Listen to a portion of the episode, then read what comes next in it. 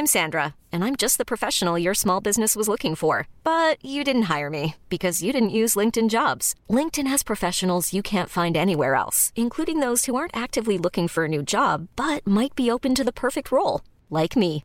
In a given month, over 70% of LinkedIn users don't visit other leading job sites. So if you're not looking on LinkedIn, you'll miss out on great candidates like Sandra. Start hiring professionals like a professional. Post your free job on linkedin.com/achieve today. Pernah terlintas di pikiran nggak kenapa kebanyakan orang-orang tuh bisa selingkuh? Atau kenapa terjadi perselingkuhan di antara hubungan-hubungan entah itu percintaan remaja, entah itu yang sudah menikah sekalipun? Mungkin sebagian besar jawabannya atau mayoritasnya adalah karena munculnya orang ketiga. Entah itu yang udah lama, entah itu yang baru. Pokoknya orang ketiga. Kalau jawaban aku pribadi adalah ingin mencari kelebihan yang tidak dimiliki oleh pasangan kita. Yang namanya perselingkuhan itu adalah sebuah kesalahan ya. E, mungkin alasan perselingkuhan itu ada banyak banget. Nggak bisa kita terjemahin satu-satu. Ketika ditanya kenapa sih kamu bisa selingkuh, mungkin jawabannya adalah karena pasangan aku kayak gini, pasangan aku toksik banget, aku udah mulai bosan sama dia. Uh, aku kurang dihargai, kepercayaan kami mulai hilang, aku mulai nyaman sama seseorang ini. Ada banyak beragam, tapi yang namanya kes ke perselingkuhan itu sebuah kesalahan dan gak bisa ditoleransi. Ketika pasangan kamu toksik, pasangan kamu sudah mulai berani main tangan, e, emosinya sudah mulai tidak bisa dikontrol, dan kamu tetap mencintainya, mungkin orang-orang cerdas di luar sana bakal bilang, kamu bodoh banget sih bisa mencintai dia dia tuh udah ngapa-ngapain kamu mending kamu tinggalin. Dan kamu yang udah bucin banget bakal bilang enggak nggak bisa. Aku udah cinta banget sama dia. Aku cinta mati sama dia. Ya suatu, suatu saat ya mungkin beberapa bulan kemudian atau bahkan beberapa tahun kemudian kamu mulai bosen sama dia kamu mulai ngerti kalau dia tuh emang toksik dalam kehidupan kamu. Kamu mulai meninggalkan dia.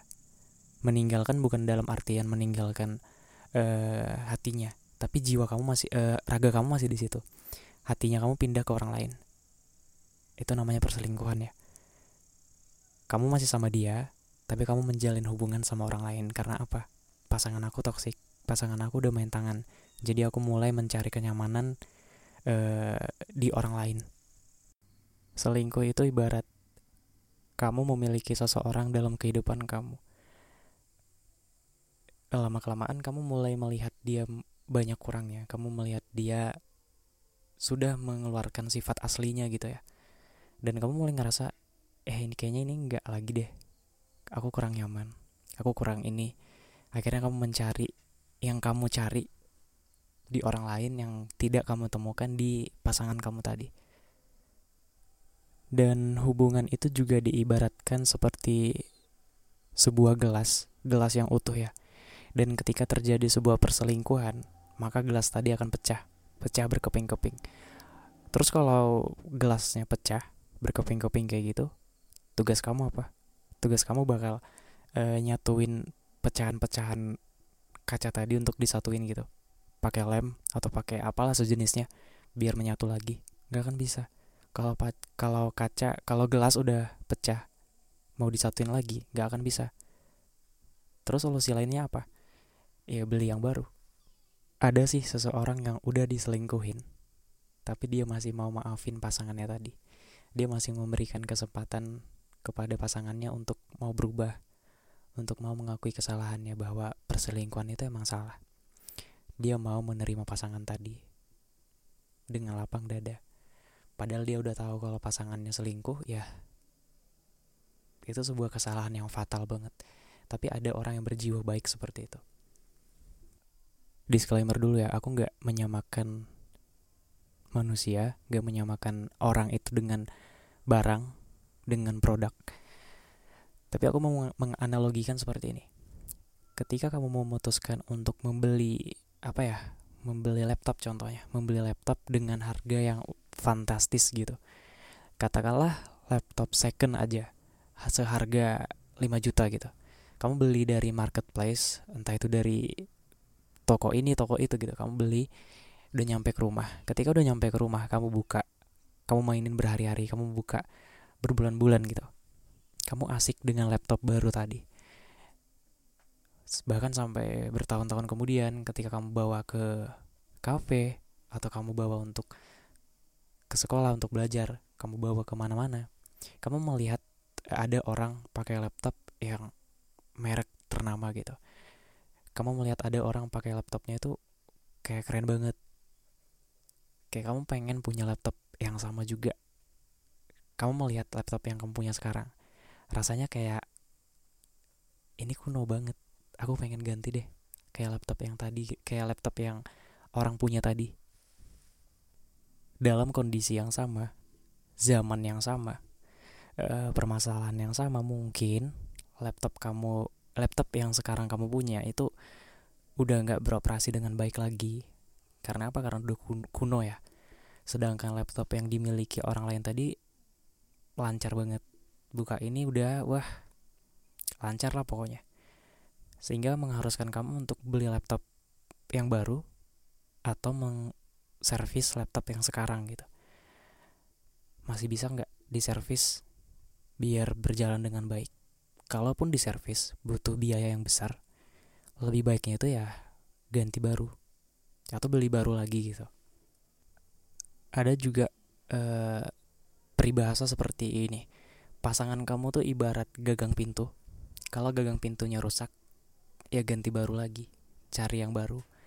Gak usah diperbaiki gitu. Aku yang denger itu pertama kali langsung ngerasa beda ngerasa ini nggak pas kalau gagang pintunya rusak ya perbaiki aja nggak usah nggak mesti beli baru. Ya kalaupun beli baru kerusakan yang fatal kerusakan yang bener-bener nggak bisa diperbaiki lagi. Kalau emang rusaknya itu uh, minim banget ya perbaiki aja nggak usah nggak mesti beli baru lagi. Dapat ya maksudnya itu gimana? Jadi ketika kamu memilih pasangan kamu untuk uh, menjalin hubungan dengan kamu, mengatur mimpi-mimpi bersama gitu, ya kamu harus siap dengan kelebihan yang dia punya, juga kekurangan yang dia punya. Kamu juga harus sadar diri bahwasanya aku tuh emang manusia biasa. Wajar kalau aku tuh punya kelebihan dan wajar juga kalau aku tuh punya kesalahan. Enggak semata-mata dengan kamu yang mampu kamu yang bisa selingkuh di belakang sana merasa bahwa pasangan aku tuh banyak kurangnya. Jadi aku mencari kelebihan yang tidak dimiliki pasangan aku kepada orang lain di luar sana. Ya kamu juga harus sadar, bukan cuman kamu, bukan cuma dia aja yang punya kekurangan, kamu juga punya kekurangan. Terkadang dia juga bisa selingkuh. Kalau waktu bisa diputar, mungkin dia juga bakal memilih orang lain. Tapi apa dia memilih kamu dengan sepenuh hatinya dengan ketulusan yang dia punya? Gak mesti selingkuh-selingkuh seperti orang lain ya. Kalau emang udah bosen, kalau emang gak searah lagi gitu. Ibarat kamu menaiki sebuah kapal bersama pasangan kamu, pada awalnya itu memiliki tujuan yang sama. Tujuan uh, singgah di pulau yang sama. Tapi ketika ketika di tengah jalan, memiliki tujuan yang berbeda.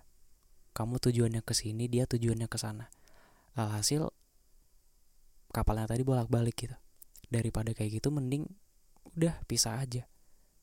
Ya kan? Daripada selingkuh, daripada harus uh, memiliki dua hati. Capek loh.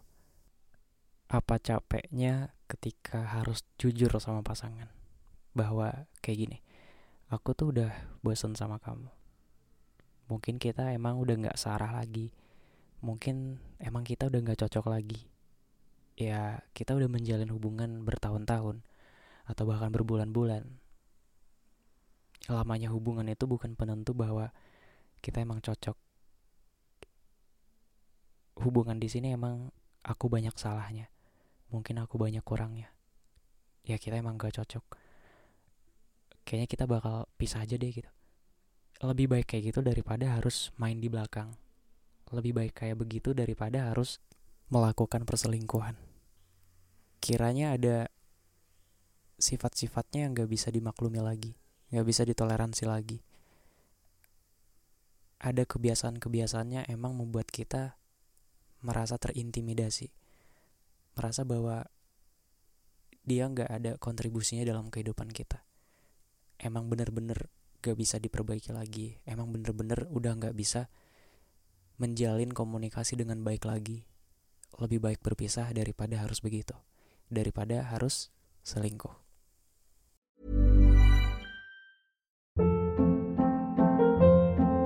Hold up. What was that? Boring. No flavor. That was as bad as those leftovers you ate all week. Kiki Palmer here, and it's time to say hello to something fresh and guilt-free. Hello Fresh. Jazz up dinner with pecan-crusted chicken or garlic butter shrimp scampi. Now that's music to my mouth. Hello Fresh. Let's get this dinner party started. Discover all the delicious possibilities at hellofresh.com.